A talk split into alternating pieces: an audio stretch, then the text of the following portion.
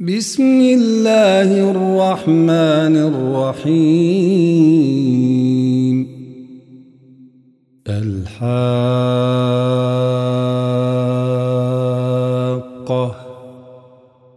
ما الحاقة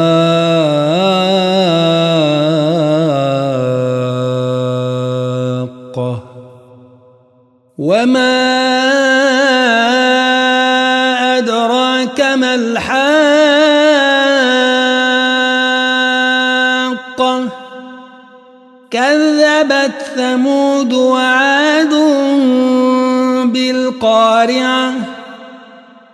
فأما ثمود فأهلكوا بالطاغية. وأما عاد فأهلكوا بريح صرصر عاتية. سخرها عليهم سبع ليال وثمانية أيام حسوما فترى القوم فيها صرعا كأنهم أعجاز نخل خاوية فهل ترى لهم من باقية وجاء فرعون ومن قبله والمؤتفكات بالخاطئة. فعصوا رسول ربهم فأخذهم أخذة رابية. إنا لما طغى الماء حملناكم في الجارية لنجعلها لكم تذكرة وتعيها أذن واعية. فإذا نفخ في الصور نفخة واحدة وحملت الأرض والجبال فدكتا دكة واحدة فيومئذ وقعت الواقعة وانشقت السماء فهي يومئذ واهية والملك على أرجائها ويحمل عرش ربك فوقهم يومئذ ثمانية. يومئذ تعرضون لا تخفى منكم خافية. فأما من أوتي كتابه بيمينه فيقول فيقول هاؤم اقرءوا كتابيه إني ظننت أني ملاق حسابيه فهو في عيشة راضية في جنة عالية قطوفها دانية كلوا واشربوا هنيئا بما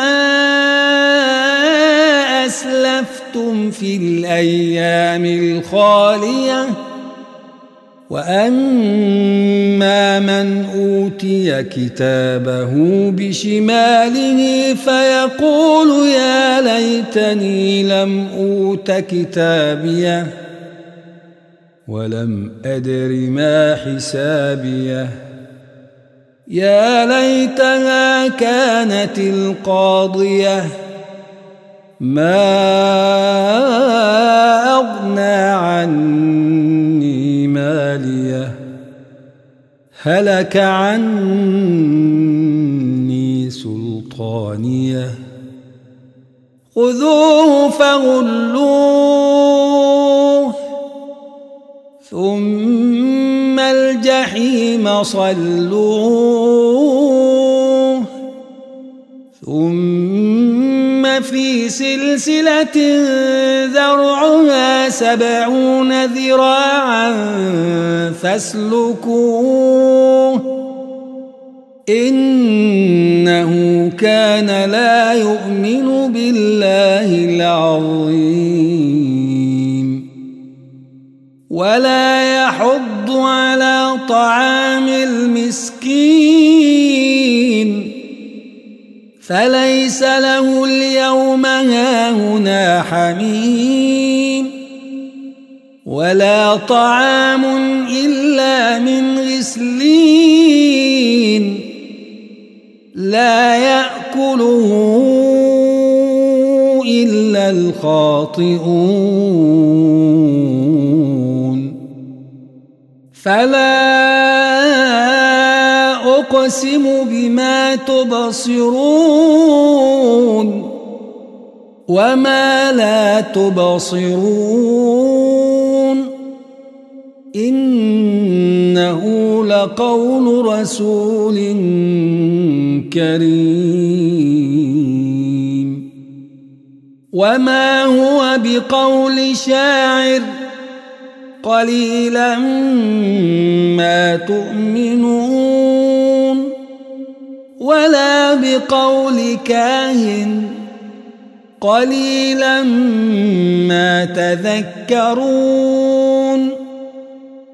تنزيل رب العالمين. ولو تقول علينا بعض الأقاويل.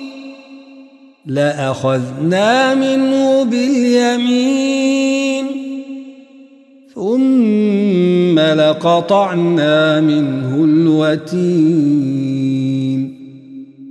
فما منكم أحد عنه حاجزين وإنه لتذكرة للمتقين.